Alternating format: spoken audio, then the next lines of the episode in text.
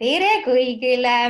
meil on äh, täna järjekordne live äh, sarjast bränd nimega Sina sada laivi, kus me räägime erinevatel põnevatel teemadel, mis on seotud äh, persooni brändinguga ja täna meil on selles mõttes eriline live, et meil on ka esimest korda külaline kutsutud, et tuleb päris põnev vestlus ja millest me täna räägime, räägime eesmärkidest ja räägime eesmärkidest veidi teises võtmes, et miks on hästi oluline aru saada, kes sina siis oled, et mis on sinu persooni brändi DNA ja kuidas siis läbi selle meil on oluliselt lihtsam ja efektiivsem äh, siis äh, oma eesmärke saavutada. meil on külalisesineja esimest korda meie laivide jooksul ja meie, meil on täna külas Veiko. Veiko, äkki sina räägid endast ka natukene uh,? tervist ja kõigepealt mul on väga hea meel, et uh, Evelin ja Olesja mind üldse kutsusid oma uh, laivi, et ja ma ei teadnud, et ma olen esimene. väga äge, väga äge et äh, ja no mis ma enda kohta oskan öelda, et ma, ma olen äh, ka ligi kakskümmend aastat toimetanud äh, eh, siis ütleme siis juhtide ja juhtimise arendamise valdkonnas, et minu jaoks selline väga oluline märksõna, mis kõiki minu tegevusi läbib, on juhtimiskvaliteet.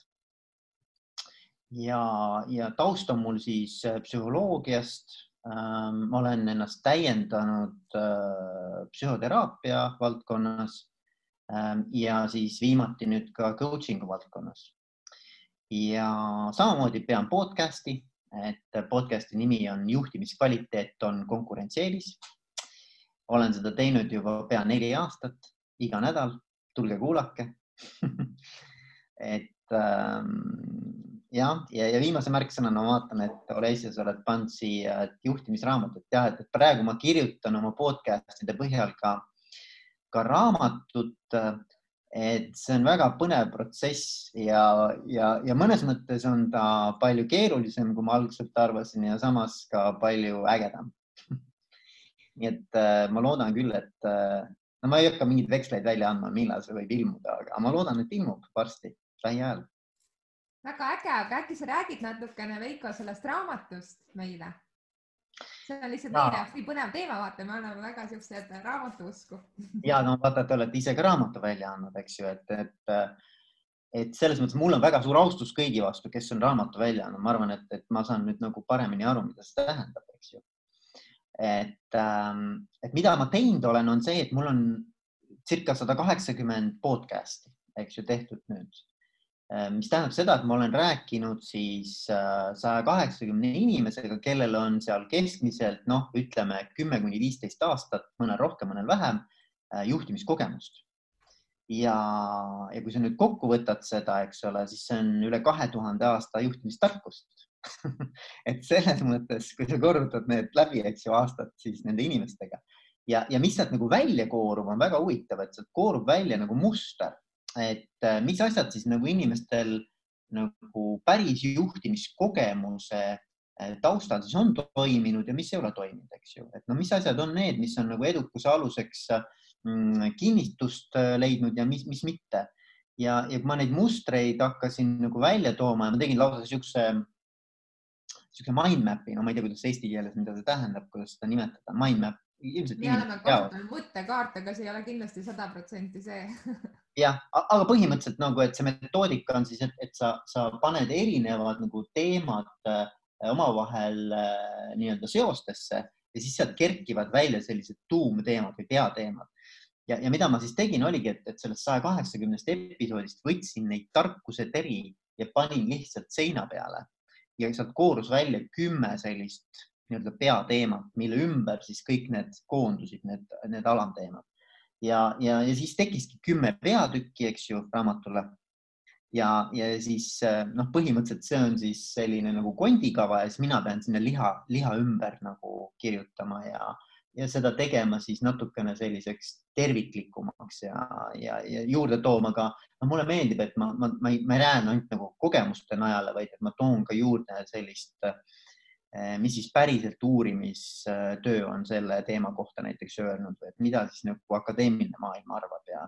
noh, niisugust natukene niisugust äh, teaduslikumat lähenemist ka. aga põhimõtteliselt jah, et see on niisugune,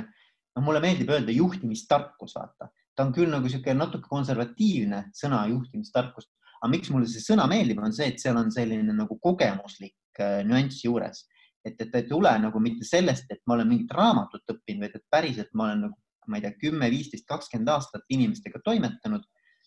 ja selle põhjal on tekkinud mul arusaam, mis toimib ja mis ei toimi, eks ju. niisugune katse-eksituse meetod iseenda, oma elu peal, eks ju, oma tööelu peal. et, et selles mõttes mulle väga nagu meeldib see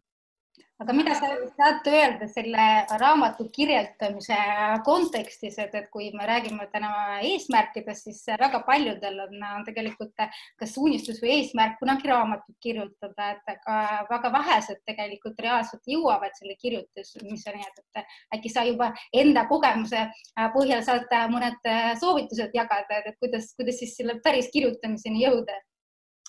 tead, mul on, mul endal on üks, noh, ma alg-, ma paari sõnaga räägin, eks ju, sellest protsessist, et ma alguses hakkasin tõesti nii kirjutama, ma istusin maha laua taha, võtsin omale, no ma ei võtnud pastakat, no võtsin oma klaviatuuri ette, eks ole, ja hakkasin kirjutama. Ja siis ma sain üpris ruttu aru, et tegelikult see minu puhul nagu ei toimi, et, et ma lihtsalt nagu, mul ei ole nii, et ma istun maha ja ma saan hakata lihtsalt kirjutama ja, ja siis ma proovisin erinevaid meetodeid ja üks meetod, mis toimib ja mida ma nüüd olen kasutanud, on see, et ma võtan ühe hea sõbra. me teeme nagu iga nädal siukseid paaritunniseid äh, jalutuskäike ja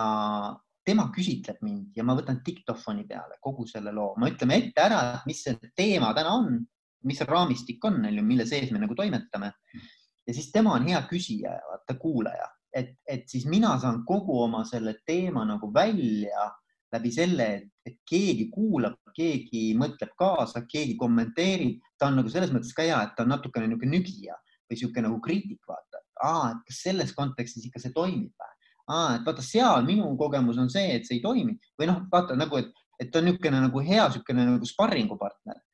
et see sunnib mind erinevatesse nagu teemadesse rohkem sügavuti sisse minema ja, ja siis pärast ma selle diktofoni pealt äh, tõmban selle materjali noh, nii-öelda puhtaks, eks ju. et, et see on nagu minu puhul nagu toiminud, et, ähm, et, et noh, kui sa küsid, et mida siis nagu võiks teha, on see, et proovida erinevaid meetodeid, ma arvan, inimestel toimivad erinevad variandid, mis, mis neil nagu selle loovuse või sellise äh, noh, nagu kuidas nemad enda seest selle sisu välja saavad, on ju aga põhiline on see, et hakka tegema, noh, nagu selles mõttes, et, et kui sul on niisugune, et sa ootad tunnet, et ohoo, nüüd tuleb tunne, et hakkan tegema, siis seda ei tule. Või noh, ta võib tulla, aga ta kaob sama kiiresti ära. E, et, et, et tegelikkuses nagu kõige olulisem minu arvates on see, et hakka lihtsalt kirjutama nagu, et, et hakkad plõksima neid eh, klaviatuuri klappe, et, et lihtsalt alguses võib olla täiesti suvaliselt nagu sa mõtled, et oi issand, et noh, mul ei ole midagi öelda hakka lihtsalt kirjutama ja ühel hetkel sa nagu avastad, et oh, polegi nii paha, tead, või tuleb, hakkab tulema, onju. et nagu selles mõttes ma arvan, niisugune nagu eh, pealehakkamine, mulle meeldib see, et pealehakkamine pool võitu vaata. Või, või kuidas see Woody Allen kunagi ütles, et, et ähm, et, et showing up is eighty percent of success või et või midagi sellist ühesõnaga. ja väga äge, et sa räägid sellest, sellepärast et meie just oma eelmised paar laivi oleme sellel teemal üles ka ehitanud, et üks oli see, et kuidas mugavustsoonist välja tulla ja siis kohe tegutsema hakata ja eelmine laiv meil oligi sellest, et kui sul on suured unistused, et kuidas siis selliseid väikese, väikeste tegevustega siis neid reaalselt äh, lõpuks ka ellu viia, et, et hakatagi kohe tegutsema. aga ma arvan, et äh, sellise nagu kokku lühikese äh, sissejuhatusega me vist lõpetame anname nüüd äh, sõna äh, Veikole. Veiko, kuidas sulle tundub see seos, kes ma olen ja eesmärgid, et kuidas sulle see seos kõlab sinu jaoks mm? -hmm no ma arvan, et kõigepealt, et kui tulla selle küsimuse juurde, et kes ma olen, siis ma arvan, et täna on see väga aktuaalne küsimus või noh, see on kogu aeg aktuaalne küsimus, ma arvan, et täna on ekstra aktuaalne. Et kui ma vaatan oma coaching'u praktikat, eks ole, siis ähm, mina tunnetan küll seda, et need inimesed, kes täna on nagu tulnud minu juurde, et paljuski, võib-olla nad ei küsi otse seda küsimust sellisel moel, aga tegelikult paljuski nad mõtlevad just nimelt nendel teemadel, sest nende elu on mõnes äh, valdkonnas äh, rööpastest välja löödud, eks ju, ja nad on pidanud hakkama uuesti küsima neid küsimusi, mida võib-olla nad siiamaani noh, ei ole pidanud küsima, eks ole, et mis on äh, see, mis neil silma särama paneb, mida nad tahaksid edasi teha. Ähm, mis on see, mis hommikul motiveerib nagu voodist püsti tõusma, eks ju Äh, mis on see, mille pärast ma tahaksin õhtul minna, istuda maha ja öelda, et ma sain ägeda päevaga hakkama. või et see päev oli minu jaoks elamus, eks ju. ja, ja siis tekivad täpselt needsamad küsimused ja ma arvan, et see, kes ma olen, on, on nagu küsimus, mida võib-olla on kõige rohkem küsitud äh, iseendalt, eks ju. Noh, mitte võib-olla sõna-sõnalt samamoodi, aga põhimõtteliselt. ja, ja ma arvan, et noh, et, et see on selles mõttes ülioluline küsimus äh, vastata, et sul ühelt poolt tõesti eesmärgid, eks ju. et, et sa nagu tead, äh, missuguseid valikuid ja otsuseid oma elus teha paremini, sest et noh, kui sul on nagu kese paigas, et sa oled nagu endaga väga hea kontakti saavutanud, siis need äh, valikud, mis sa iga päev teed, tegelikult me teeme iga päev väga olulisi valikuid, eks ju, on hästi lihtsad need tulevad nagu loomulikult ja automaatselt. Ehm, valikud muutuvad ja otsused muutuvad väga keeruliseks siis, kui ma tegelikult ei tea, ehm, mis minu jaoks oluline on või et ehm, mis see minu tugevus on või et mis need minu tõekspidamised või baasuskumused on. Et kui see asi on nagu hästi selgeks endale tehtud, nagu teadvustatud, et siis tegelikult muutub kõik üpris lihtsaks. Ja, ja eesmärgid ka, et, et sul ei teki nagu seda küsimust, et mis on prioriteet. Sest sa täpselt tead, eks ju, et mille poole sa püüdled ja mis äh, sind käima tõmbab. Äh, et selles mõttes ma olen hästi nõus, et eesmärgi aluseks on äh, selgelt defineeritud, teadvustatud nii-öelda identiteet, kes ma olen. Ma ei tea, kas sa mäletad, Veiko, aga eelmine kord, kui me kohtusime ja sinu podcast'is, siis me rääkisime ühest uuringust, mis me enda raamatus ka välja tõime, et tegelikult täna on kuskil kaheksakümmend viis protsenti hinnanguliselt inimestest, kes ei ole rahul oma praeguse tööga või sellega, millega nad tegelevad, et kuidas sa selles osas vaatad, et kas sul on mingisuguseid soovitusi, mida inimestele anda, et kuidas siis saada aru, et kes ma siis olen või mida ma siis tegelikult tahan, et see tundub kuidagi nii selline levinud äh, probleem. Ja kindlasti ongi, me räägime Gallupist vist, eks ju, Gallupi, eks ju no ta õnneks ei ole ainult Eesti, ta on selles mõttes, et kui sa vaatad, see on tegelikult nagu sihuke suhteliselt nagu ülemaailmne teema. aga ma arvan, mis sealt nagu välja joonistub ja mida ma olen oma coaching'u äh, klientidele ka palunud teha ja võivad teha ju kuulajad ka praegu, võtta ehm, seda nii-öelda endale koduülesandeks, miks mitte näiteks. hästi lihtne asi, et pane iga oma tegevuse kohta, mida sa teed, võta näiteks nädalane periood pea sellist nagu listi ja seal on kaks tulpa, üks on see, et mida ma pean tegema ja teine, mida ma tahan teha. kõik asjad, mida sa ette võtad, noh, loomulikult me ei räägi siin, kui sa lähed tualettruumi, eks ole, see ei ole oluline, aga põhimõtteliselt kõik asjad, mis sa nagu ette võtad, eh, kirjuta sinna ülesse ja, ja pane ühte või teise tulpa, et mis sinu jaoks tundub, et ma tegelikult ka päriselt tahan teha ja teine asi, mida ma pean tegema. ja see joonistub noh, üpris selgelt välja, et mis sinu selline nii-öelda noh, nagu eelistused on või et kus su nagu energia voolab, et ähm, me võime teha näiteks asju väga hästi, mis meile üldse tegelikult ei meeldi teha. me oleme õppinud ära tegema mingisuguseid ähm, task'e ähm,, kus me oleme väga head ja meile töö juures antaksegi neid juurde, sest me oleme väga head selles. aga tegelikkuses pärast nii-öelda tulles töölt koju, me tunneme, et me oleme energiast tühjad ja ma arvan, väga hea näide ähm, nagu tegevustest ja teemadest, mis sinu jaoks sobivad, on need, mis tegelikult sulle pigem annavad energiat, et kui sa sellega tegeled, ta võib isegi olla nagu noh, mingis mõttes nagu kurnav, nagu noh, ütleme nagu füüsiliselt näiteks kurvav, noh, trenn näiteks, eks ju. aga sa pärast tunned, et sa tegelikult nagu energiast pakatav või see annab sulle nagu mingi uue hingamise ja no, mul on näiteks podcast idega ega ma seda podcast'e ei teeks sada kaheksakümmend, kuna mulle ei meeldiks. et selles mõttes, et näiteks mina saan alati energiat sellest, kui ma lähen inimesega kohtumisest ära. et, et nagu mul, ma ei mäleta ühtegi vestlust, kus oleks nii olnud, et ma lähen sinna äh, kõrgema energiatasemega, kui ma sealt ära tulen. ma olen alati nagu saan nagu hea süsti nagu sellise laksu sellest. ja ma arvan, et see on hea näide, et, et pange kirja, te näete ise nagu mustvalgelt paberi peal ära, et mis on need asjad, mis teid käima tõmbavad ja mis on need asjad, mis pigem nagu tõmbavad energiast tühjaks, eks ole. ja samamoodi võib inimestega teha. samamoodi inimesed, et kes on need inimesed sinu ümber, on ju, kes sulle tegelikult nagu annavad energiat, inspireerivad, motiveerivad, tõmbavad käima ja kes on need inimesed, keda sa pigem nagu tunned, et noh, hea meelega nagu ei puutuks kokku või noh, kui peab, siis nagu miinimum, eks ole. et, et samamoodi nagu, et, et sa pead endale valima ka, kellega sa nagu aega veedad, kes need inimesed su ümber on, eks ju. kas sul on endal tulnud see niimoodi loomulikult või sa oled ise ka sarnase ülesande läbi teinud? ma kunagi tegin seda, eh, kui ma ei eksi, see oli, see oli Mare Borgi ühel koolitusel, ma tegin seda kunagi ja, ja minu jaoks oli see ka silmi avav. et selles mõttes eh, see on niisugune hästi lihtne üli-ülilihtne, aga annab sellise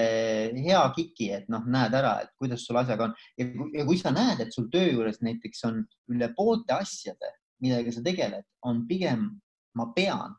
siis noh, tasub küsida, et noh, kas see roll, eks ole, et kas see roll nagu on päris see, millega ma nagu peaksin tegelema.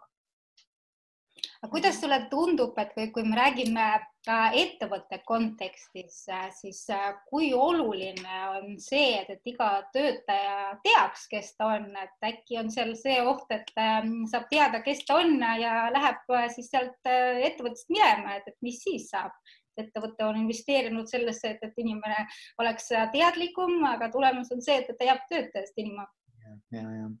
no ma, mulle meeldib siin mõelda niimoodi, et see on samamoodi, vaata, ma ei mäleta, kes seda ütles, on ju, et, et, et, et ähm, kas see oli nii, et finantsdirektor küsib nagu juhatuse esimehe käest, et kuule, et, et koolituskulud on nii kõrged, et mis siis saab, kui me nagu koolitame need inimesed ära, nad lähevad minema. Ja siis, ja siis juhatuse esimees küsib või tegevdirektor küsib, et et aga mis siis saab, kui me ei koolita, nad jäävad, eks ju, et noh, et, et see on nagu noh, mingis mõttes on see selline,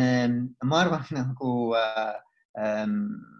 noh, pseudoprobleem, et, et, et minul oleks, tegelikult peaks ju hea meel olema, kui inimene leiab oma kutsumuse, et, et ta saab aru, mis teda nagu tegelikult käima tõmbab ja, ja ta siis saab ka sellega tegeleda. Aga no loomulikult, et kui sul on väga hea töötaja, eks ole, ta ühel hetkel näiteks avastab, et äh, see enam teda ei paelu, millega ta siiamaani tegelenud on, tahab midagi muud teha, et siis äh, ma saan täiesti aru ka tööandjast, et ta kaotab väga väärtusliku inimese, aga samas noh, kujuta nüüd ette, et kui teil on, kui ongi nagu, nagu Kallup ütleb, eks ole, mitte pühendunud inimene üks juures, eks, et, et ilmselge, et ta ei anna endast ka ju sada protsenti siis ju, et noh, et, et tegelikkuses kas on vaja noh, nagu ma, ma arvan, et seal on pigem on ikkagi kõik võidavad, kui igaüks leiab oma nagu õige kutsumuse. Ja me tegelikult Oleisaga oleme paar korda teinud sellist äh, harjutust, et äh, inimesed, kes väga küsivad selle teema kohta, et, et mis siis saab, kui inimesed päriselt ära lähevad, et kui sa mõtledki, et oletame, et sul on kaheksakümmend viis protsenti või, või paremal juhul võib-olla nelikümmend protsenti ainult, kes ei ole oma tööga rahul ja kui sa mõtled, et nad on nii palju vähem produktiivsemad ja kui sa siis suudad tegelikult asendada need töötajatega, kes on produktiivsed ja kellel meeldib seda töö teha, tööd teha, et siis on äh, ettevõttel ju nii palju paremad tulemused ka, et äh, kui inimesed annavad endast äh, sada protsenti või mõni sada kakskümmend ja mulle, mulle, mulle tundub, et siin on veel üks nüanss, vaata, et, et tegelikult on noh, ütleme praktikas on pigem nii, et on mingid asjad, mis inimesele selles rollis ei sobi. et, et ütleme, et nagu enamus või, või lõviosas sellest äh, ameti, mis iganes see ametikoht siis on, eks ole, see on selline standardiseeritud ametikirjeldus, eks ju, et siis lõviosa nendest asjadest inimesele meeldib ja tal tuleb see hästi välja ja ta saab hakkama. aga siis on mingid asjad, kus ta nagu fail ib, eks ju, ja ta ei taha nendega tegeleda, need ei tule tal hästi välja. siis minu arvates on nagu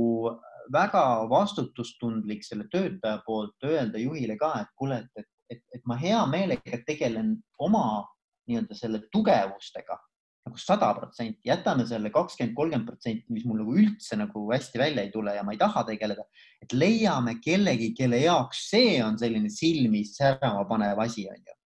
et, et mulle tundub, et natukene sellist nagu ähm, äh, rollide siis paindlikku käsitlemist ka vastavalt sellele, mis on selle rollitäitja enda tugevused. et seda rohkem nagu kasutada, ma saan aru, et kui masstöökohad, see on väga keeruline, eks ju, aga kui sul on ikkagi sellised ähm, noh, üksikud töökohad, siis tegelikult see on nagu väga võimalik, sest mõne jaoks tõesti need asjad, mis teise jaoks ei sobi, on just nimelt see, mis tõmbab teda käima, eks. et, et natuke nagu sellist, äh, no inglise keeles on job crafting, ma ei tea, kuidas see eesti keeles on,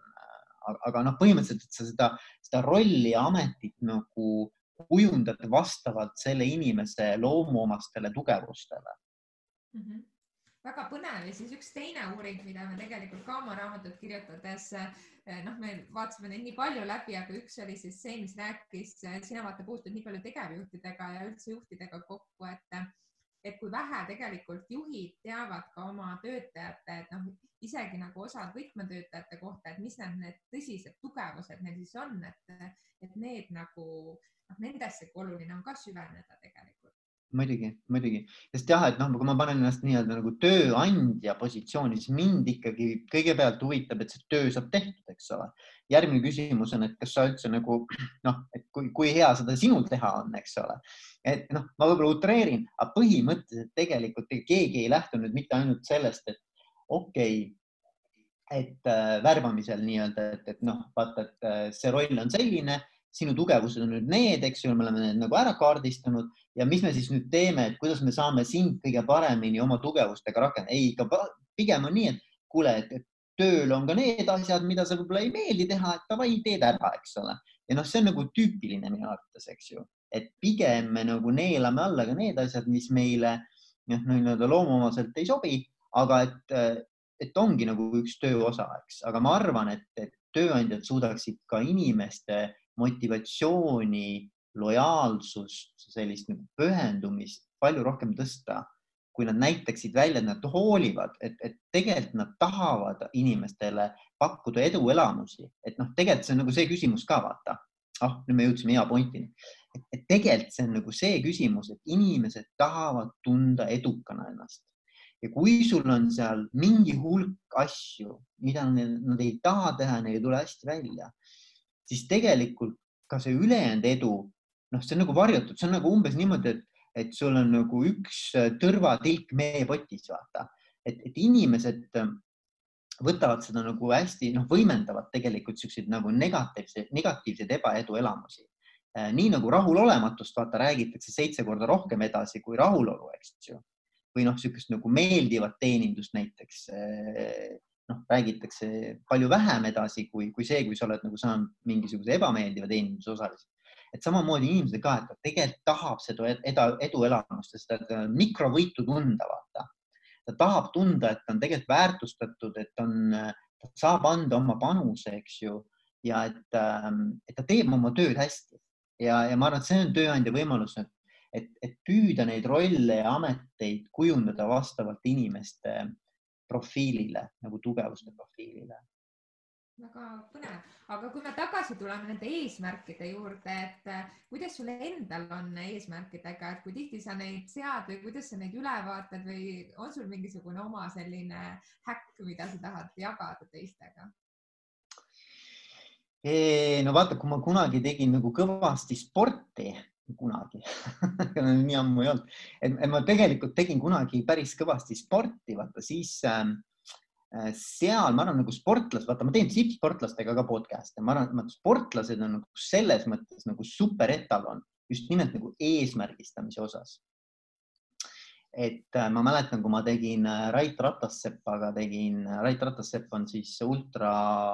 triatleet. noh, et ta teeb tõesti nagu hull, hulle asju, et, et viimati siin tegi minu arvates nelikümmend päeva järjest tegi Ironman, iga päev ühe Ironmani. et, ähm, et kui sa nagu mõtled selle peale, et mis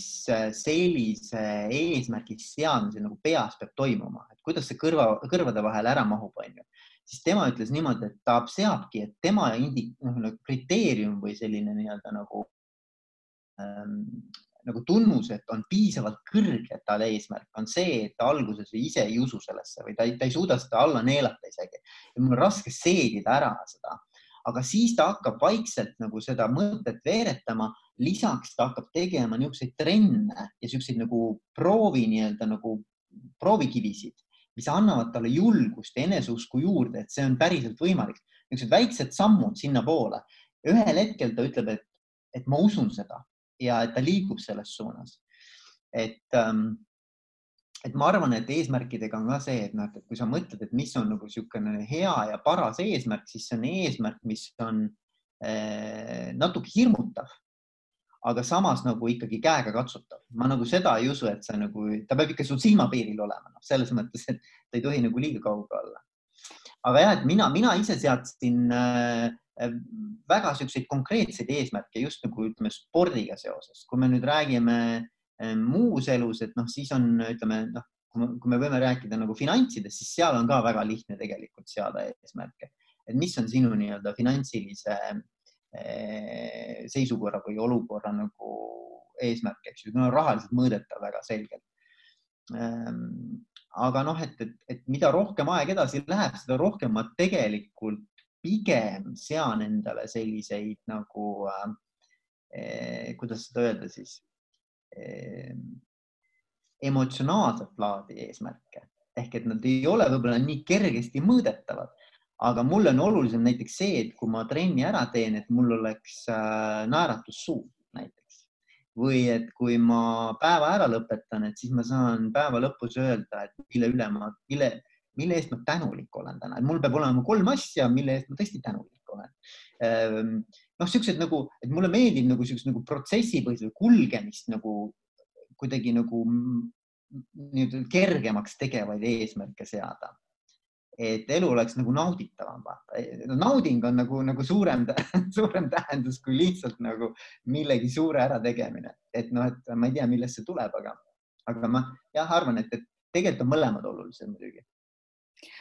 mulle tundub, et äh, noh, mina olen enda jaoks seda nagu defineerinud niimoodi, et, et sul peabki olema selline suur eesmärk või visioon nagu põhjatäht on ju, aga, aga keskenduma peaks just nagu väikestele sammudele ja väikestele eesmärkidele. Ja äh, rääkisime äh, Eveliniga äh, vooseisundist ja oleme seda hästi põhjalikult uurinud äh, ja Steven Kotler, kes tänapäeval teeb väga paljude äh, juhtide uuring, seas uuringuid, et, et kuidas seda vooseisundit siis tekitada ja kuidas see produktiivsust mõjutab, siis tema on üles leidnud just seda, et hästi oluline, et, et, et see äh, raskusaste on vaid neli protsenti kõrgem kui sinu äh, oskused, ehk siis äh, kui see oleks nagu liiga suur eesmärk, siis sa kaotad motivatsiooni ja sellepärast, et see hirmutab seda, arvad, et sa ei saa hakkama. kui see on liiga madal eesmärk, siis see on sinu jaoks igav. aga just selles nagu vooseisundi puhul on ka jällegi hästi oluline see, et, et sa saad aru, kes sa oled ja sama oluline on ka see, et, sa naudid seda tegevust, et, et see harjutus, mida sa varem andsid, ma arvan, on väga hea ka selle kire ja üles leidmiseks, et. ja, ja on, on jah, on küll ja, ja vooseisund on muidugi hea, selles mõttes see on nagu hea niisugune kontseptsioon, mida, mida silmas pidada, et, et sul oleks jah, et see see nii-öelda sinu oskuste ja kompetentside tase oleks siis Äh, noh, natukene võib-olla alla selle challenge'i või selle väljakutse, eks ju, et äh, ja alati noh, mul on ka vaata, et te kindlasti mäletate ka seda tunnet, kui te läksite eksamit andma, vaata. nagu kergelt selline noh, niisugune tahaks WC-sse aeg-ajalt või noh, niisugune natukene niimoodi kõhus keerab, vaata. et nagu ma arvan, et see on nagu niisugune õige tunne, vaata, et kui sul on väike niisugune nagu kerge niisugune no see ei ole stress, aga see on niisugune nagu erutus, heas mõttes erutus vaata sees, et siis on nagu õige, ma arvan. et äh, siis on nagu õige emotsioon. Või näiteks, kui ma lähen esinema, siis mul on niimoodi, et äh, mulle meeldib teha mingisuguseid kiireid füüsilisi liigutusi, näiteks trepist üles-alla joosta enne või midagi teha, et sa keha nagu sellise noh, nagu pump'id no, no ennast nagu ülesse niimoodi, et sul on nagu niisugune mõnus niisugune energia sees, on ju et mul on seda vaja selleks, et olla seal ka, noh, seda välja anda niimoodi. et äh, jah, et, et sihuke ja, ja minu jaoks on ikkagi esinemine ükskõik, see võib olla teema, kus ma olen alati nii-öelda nagu juba võib-olla kümme, kakskümmend, kolmkümmend, sada korda rääkinud. ikka on esinemine see, mis tõmbab kuidagi käima ja ma arvan, et sellepärast mulle meeldib seda teha ka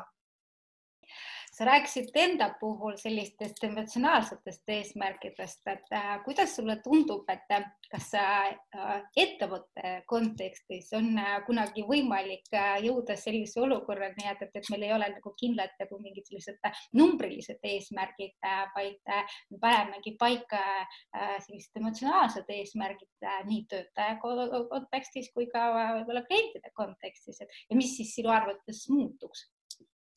Ja see on hea küsimus, see on selles mõttes hea küsimus, et ähm, ma näiteks äh, äh, töötan praegu ühe ettevõttega või noh, ütleme pigem ettevõtte juhiga ja omanikuga, kus on kaks peaeesmärki, üks on töötajate õnneindeks ja teine on äh, klientide õnne, õnneindeks ja, ja loomulikult on neil ka kõrval majanduslikud või noh, nii-öelda siis finantsilised eesmärgid, aga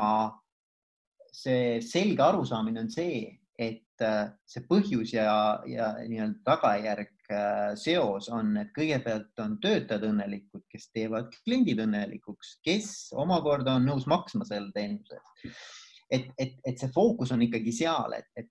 tegeleme number üks oma tiimiga nagu töötajatega,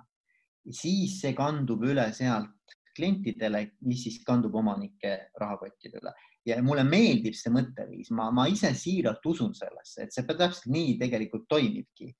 eriti kui me räägime sellises äh, valdkonnas nagu, mis on noh, teenindusega seotud, et ähm,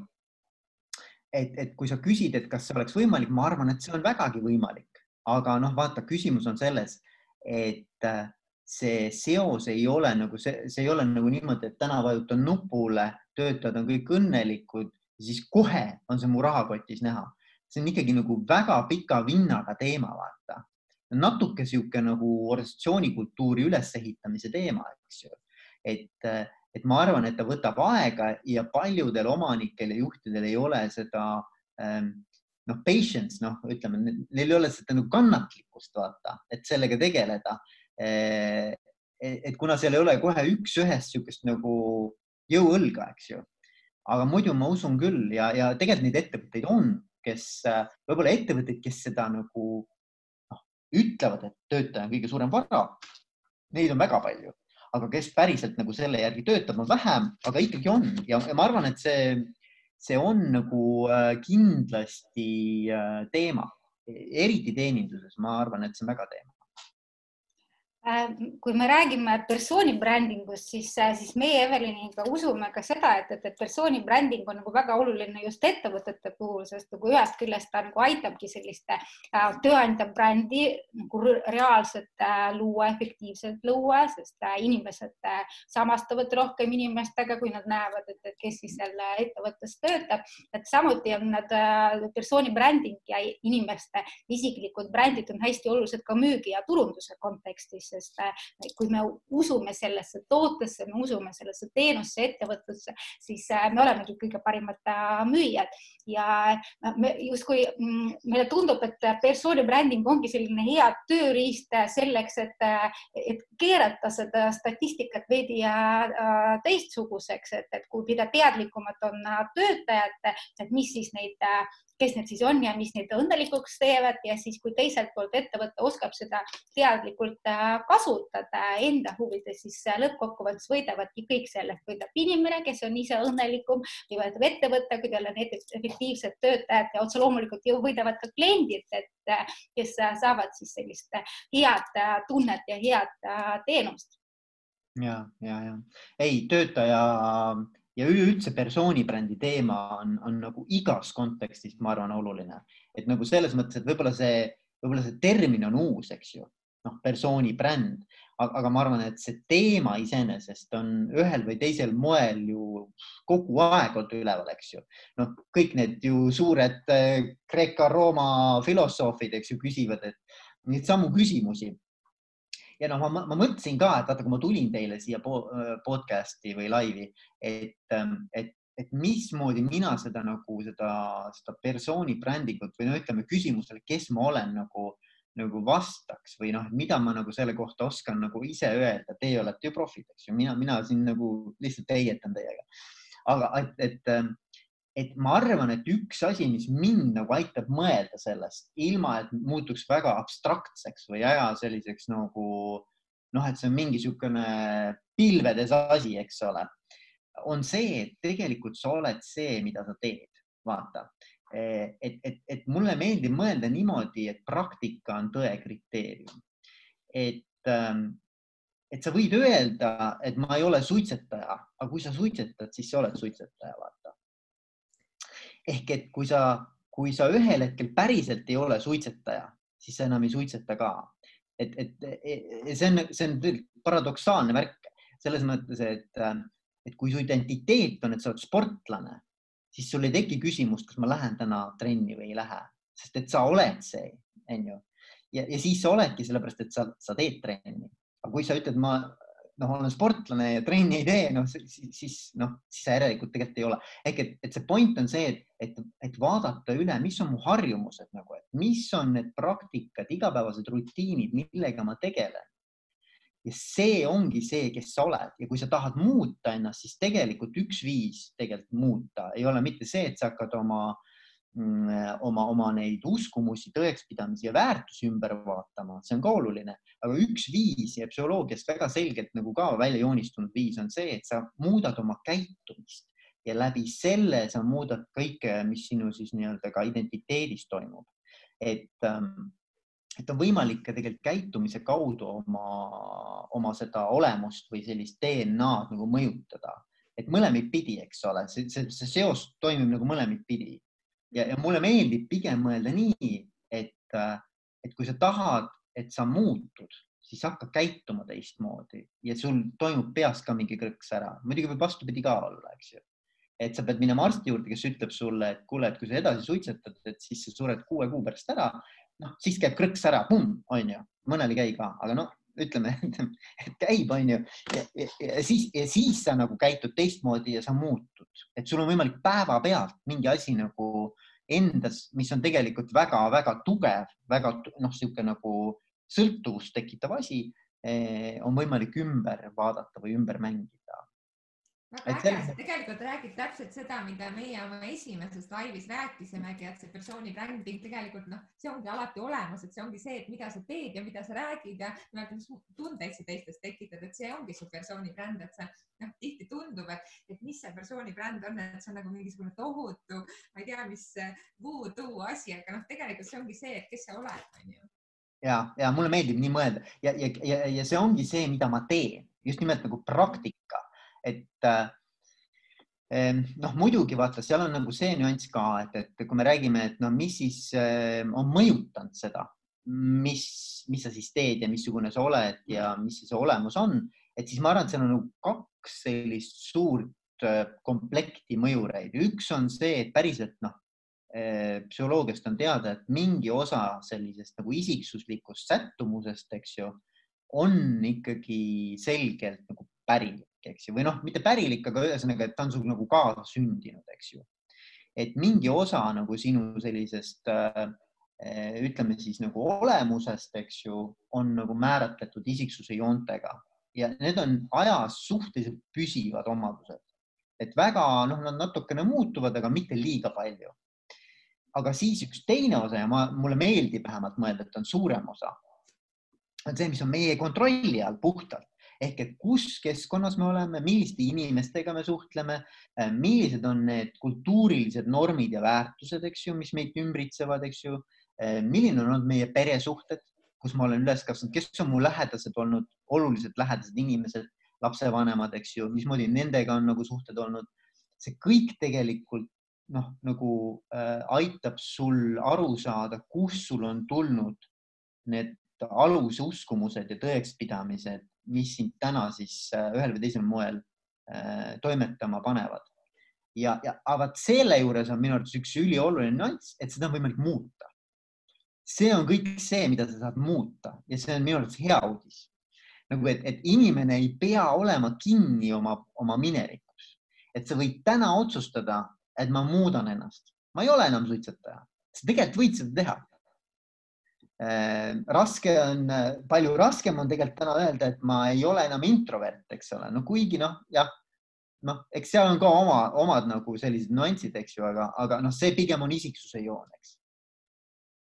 aga sinu ähm, tegelikult jätkates seda just introverdi näidega seoses mulle tekkis äh, selline küsimus, et, et tänapäeval tänu sotsiaalmeediale persooni bränding on tegelikult äh, muutunud äh, noh, teistpidi nagu oluliseks, et siis kui internetti ei olnud, siis meil oligi füüsiline bränd, et kui sa tegid oma tööd, tegid oma tööd hästi, siis sa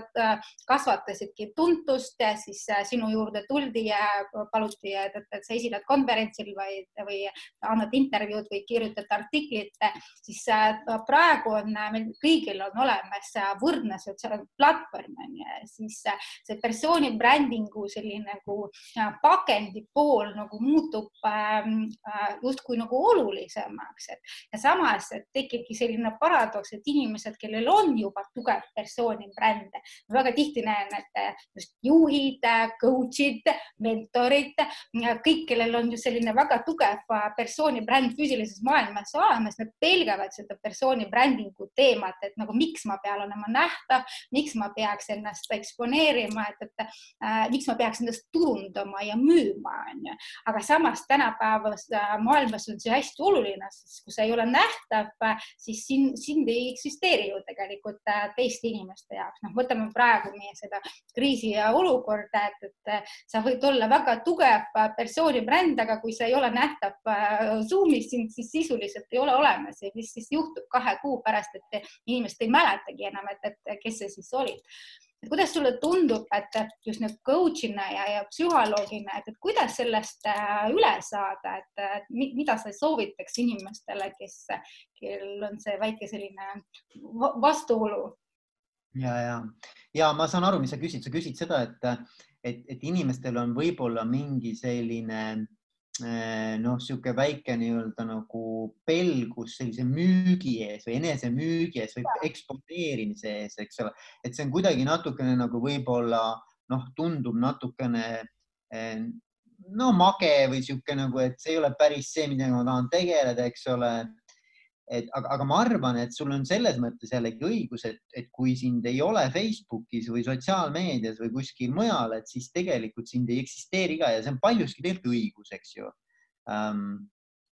aga mina olen kuidagi lahendanud selle küsimuse niipidi, et mulle ka ei meeldi ennast müüa. tegelikult noh, kellele, no müüa, müüa, no ma ei oska ka öelda, eks ole, seda on võimalik teha erineval moel, aga kui me räägime niisugusest nagu tavapärasest noh, et a la, et võtad telefoni, helistad ja ütled, tere, mina olen Veiko siin ja ma tahaks nüüd nagu rääkida, millega ma siin tegelen, eks ole, et tahad äkki mult koolitust osta. noh, mulle see asi ka ei meeldi, eks ju. et ähm, või, või kasvõi, kasvõi sotsiaalmeedias rääkida, et mina olen Veiko, noh, tulge minu koolitusele, mulle see ka väga ei meeldi, eks ju. aga, aga ma arvan, mis on nagu nüanss ja, ja kuidas sellest nagu üle saada, on see, et sa tegelikult pakud päriselt ka inimestele väärtust. et, et sa, sa, müüd hoopis nagu nõuandlikult või sa müüd nii, et sa tegelikult annad inimestele niisama ilma midagi vastu ootamata, midagi, mis on neile kasulik või väärtuslik. Äh, tundes ise sealjuures ennast väga hästi, sellepärast et see ongi sinu nii-öelda tugevus või sinu nii-öelda ampluaa, eks ju, kus sa tunned ennast nagu kala vees. ja siis inimesed saavad ise valida, et kas see neid kõnetab, ei kõneta, kui kõnetab, nad võtavad ise sinuga ühendust ja nad tulevad juba selle mõttega, et nad tahaksid juurde seda head nõu või seda head nii-öelda väärtust. Ähm, et, et mina ei tunne nagu, et see oleks nagu müük-müük nagu halvas mõttes. Äh, kui üldse saab rääkida müügist kui halvast asjast, eks ju. et, et ma tegin, mul on tegelikult suur austus müügimeeste vastu, aga, aga noh, et või noh, need LHV müügipoisid, kes on seal no olid vähemalt kaubanduskeskustes, eks ole. et tegelikult mul on suur austus, see ei ole lihtne asi. ma, ma, ma tõesti nagu siiralt nagu tõmban kabu maha, ütlen, et vägev aga, aga et nagu, et kui, kui rääkida, et kuidas seda teha niimoodi, et inimestel oleks hea tunne sees, siis ma arvan, et see ongi läbi selle, et nad ise tunnevad, nad pakuvad nendele inimestele väärtust, vaata, et sa ei müü, müü, vaid sa tegelikult aitad neid inimesi. mina küll mõtlen nii, et no ma teen podcast'i selle mõttega, et äkki üks inimene, kes seda kuulab, noh, nendest tuhandetest, eks ole, saab mingisuguse tõuke sellest sellest, sellest nii-öelda heli äh, audiosalvestisest, eks ole, ja, ja tal tekib mingisugune hoopis teine väärtus elus läbi selle, et ta sellest ühest ideest kinni hakkas, onju. ja, ja sellest juba piisab minu jaoks. et, et ma nagu kuidagi ehk et ma nagu, kui sa küsid, kuidas sellest üle saada, siis ma julgustaks inimesi jagama väärtust, milles nad on väga head, jagama seda nii palju, kui nad saavad, nii paljudes kanalites, kui nad saavad ja pange tähele, eh, õiged inimesed jõuavad teieni tagasi kaarega. väga äge, sest et see ongi ju see persooni brändingu mõte, et sa ei teegi seda nii-öelda sellise klassikalise müügi võtmes, vaid see ongi see, et sa jagadki väärtust, eks ole. aga nii kahju, kui see ka pole, meie aeg hakkab otsa saama, kuigi meil on nii põnev siin olnud, et kas sa äkki, Olesja, võtad kokku selle meie meie tänase jutuajamise natukene, ma panen jälle meie. Veiko, kas on võib-olla paar sõna veel lõpetuseks öelda, et, et mida me võib-olla ei ole osanud sinu käest äh, küsida ja mida sa tahaksid, et äh, meie tänased äh, kuulajad võib-olla kaasa võtaks tänasest vestlusest mm? -hmm. ja no ma, ma arvan, noh, üks teema, mis on läbi jooksnud, aga, aga millel võib-olla võiks veel nagu rõhuda veel, on see, et, ähm, et ikkagi väga teadlik olla, et äh, sellest, et milliseid uskumusi ja selliseid tõe, tõekspidamisi ja väärtusi ma omaks pean, et nagu vaadata endale, noh, vaata üks, üks teema, mida ma alati nagu coaching us ka nagu rõhutan, on nagu tagasiside, et mina, mina väga hindan tagasisidet, ma arvan, et tagasiside on, on nagu arengu üks kõige tugevamaid mootoreid. Ja ma arvan, persooni brändigu puhul ka, vaata, inimestel, inimestel ikkagi on mingid asjad, milles nad on äh, pimedad, noh, heas mõttes nad ei näe enda juures neid asju või ei oska näha või ei taha näha. E, ja, ja see on see koht, noh, mida nimetatakse siis pimedaks alaks, eks ole, enda, enda juures ja see koht, mida tegelikult sa saad ähm, eh, teiste inimeste tagasisidest kõige paremini aru, kui sa seda päriselt kuulad, eks ju. ja nüüd on küsimus, et, et sa pead nagu enda käest ka küsima, et kas see on see, kes ma tegelikult nagu tahan olla, kas ma tegelikult olen selline, kas ma tahaksin midagi enda juures muuta? Ja vot siis sa saad nagu valida, eks ju, kus sa saad teadlikuks, milline sa oled läbi selle, et keegi on sulle nagu peegel tagasiside mõttes, siis sa saad nagu küsida, et okei okay,, aga milline ma siis tegelikult päriselt tahan olla. ja kuidas ma tahan mõjuda, vaata siin käis mõjujutt ka läbi, mulle meeldis see mõte, et, et, et ka kuidas sa nagu mõjud ümberringi teistele inimestele ja üldse nagu noh, mitte ainult inimestele, vaid kogu nagu sellele ühiskonnale ja, ja oma sellisele sotsiaalsele ruumile. et, et, et siis valida, vaata, ma tahaks nagu rõhutada seda, et inimeste tagasiside selle järgi aru saada, et mis siis on need minu tugevused ja nõrkused ja siis valida, et okei okay,, et aga milline ma tahan olla ja toimetada just nimelt nagu nende uskumuste, tõekspidamiste ja väärtustega edasi ja sealt siis nagu me jõudsime ka nagu eesmärkideni, eks ju, et seada endale selged eesmärgid. midagi sellist, ühesõnaga, mulle tundus aitäh sulle, et meil, meie jaoks oligi tänane äh, vestlus just ähm, äh, teistmoodi, et, et me ei tahtnud rääkida eesmärkidest sellises klassikalises äh, võtmes, et, et sul on unistused ja sul on eesmärgid ja eesmärgid on, täituvad paremini siis, kui on kirja pandud,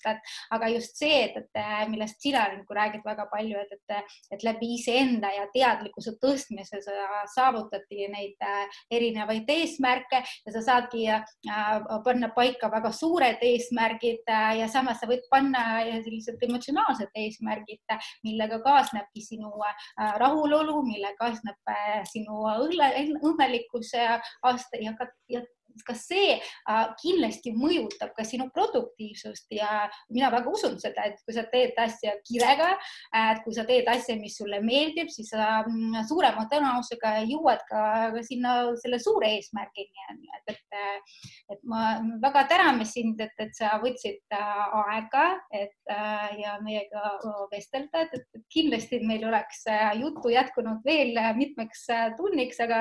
loodame, et, et, et võib-olla me kohtume kohtume sinuga veel meie selle äh, saja laivi projektis, et.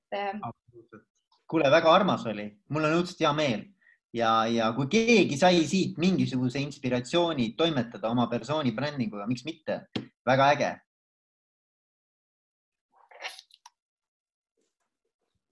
Nii, aga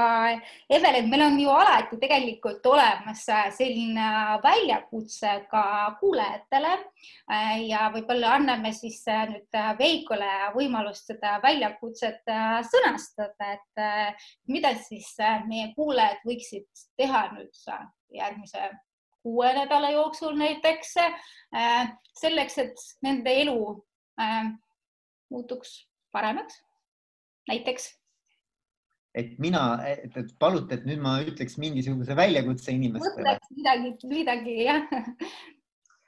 aga, aga siis okei okay., aga siis on üks, üks harjutus, mida ma samamoodi tegelikult äh, olen kasutanud ja, ja, ja praktiseerinud inimeste äh, coach imisel on, on selline, on kolm küsimust. kolm, kolm kolm küsimust. esimene küsimus on, et milles ma võiksin potentsiaalselt olla maailma parim kõlab nagu uhkelt, eks ole, kõlab võib-olla natukene nagu ähm, klišeelikult, aga noh, võib ka küsida nii, et, et, et, et mis on minu kõige suurem nii-öelda nagu äh, loomuomane tugevus. aga mulle meeldib ikkagi see, et milles ma potentsiaalselt võiksin olla maailma parim, eks ju. listi kõik asjad ära, pane kirja. teine küsimus on, et mis paneb mul silma särama, nagu et mis on need asjad nagu, ähm, mis tõesti nagu tõmbavad mulle energia üles, annavad mulle sellise hea tunde ja ma teeksin isegi siis, kui ma mitte midagi selle eest ei saaks. et ma teeksin, noh, üks teine küsimus, mis samat asja nagu adresseerib, on see, et kui, kui sa saaksid homme miljon eurot, et noh, siis millega sa oma päevi sisustaksid, eks ju. et no mis on see, noh, mis sind tegelikult nagu hoiab käimas? kirg, kirg, eks ole, mis see kirg on? ja kolmas küsimus on, et, et, et mis on need asjad, millega sa kõige rohkem saad väärtust pakkuda, on see siis äh, klientidele, on see, ma ei tea, ühiskonnale laiemalt, aga, aga mis on need asjad, mida äh, ülejäänud seltskond nagu väärtustab kõige rohkem sinu tegevuste juures või et, et millega sa kõige rohkem suudad nagu inimestele äh, pakkuda nagu heaolu või, või elukvaliteeti kasvu, et mille eest nad oleksid nõus ka midagi maksma, vaata. küsimus on selles, et kas seal on piisavalt väärtust, et, et sa saad nagu raha ka selle eest küsida. ja vaata need kolm asja nüüd, nende ühisosa või selline nii-öelda nagu ühispuut, kokkupuutepunkt on see sinu sweet spot, nii-öelda see, kus sa tegelikult oled nagu kõige-kõige vingem tegutseja ja ma arvan, võib-olla persooni brändingu mõttes võib ka mõelda, et see on nagu see sinu niisugune noh, nagu essents, kus sa nagu eh, eh, heleda leegiga elad, eks ole. et, et võib-olla niisugune üleskutse lõpuks.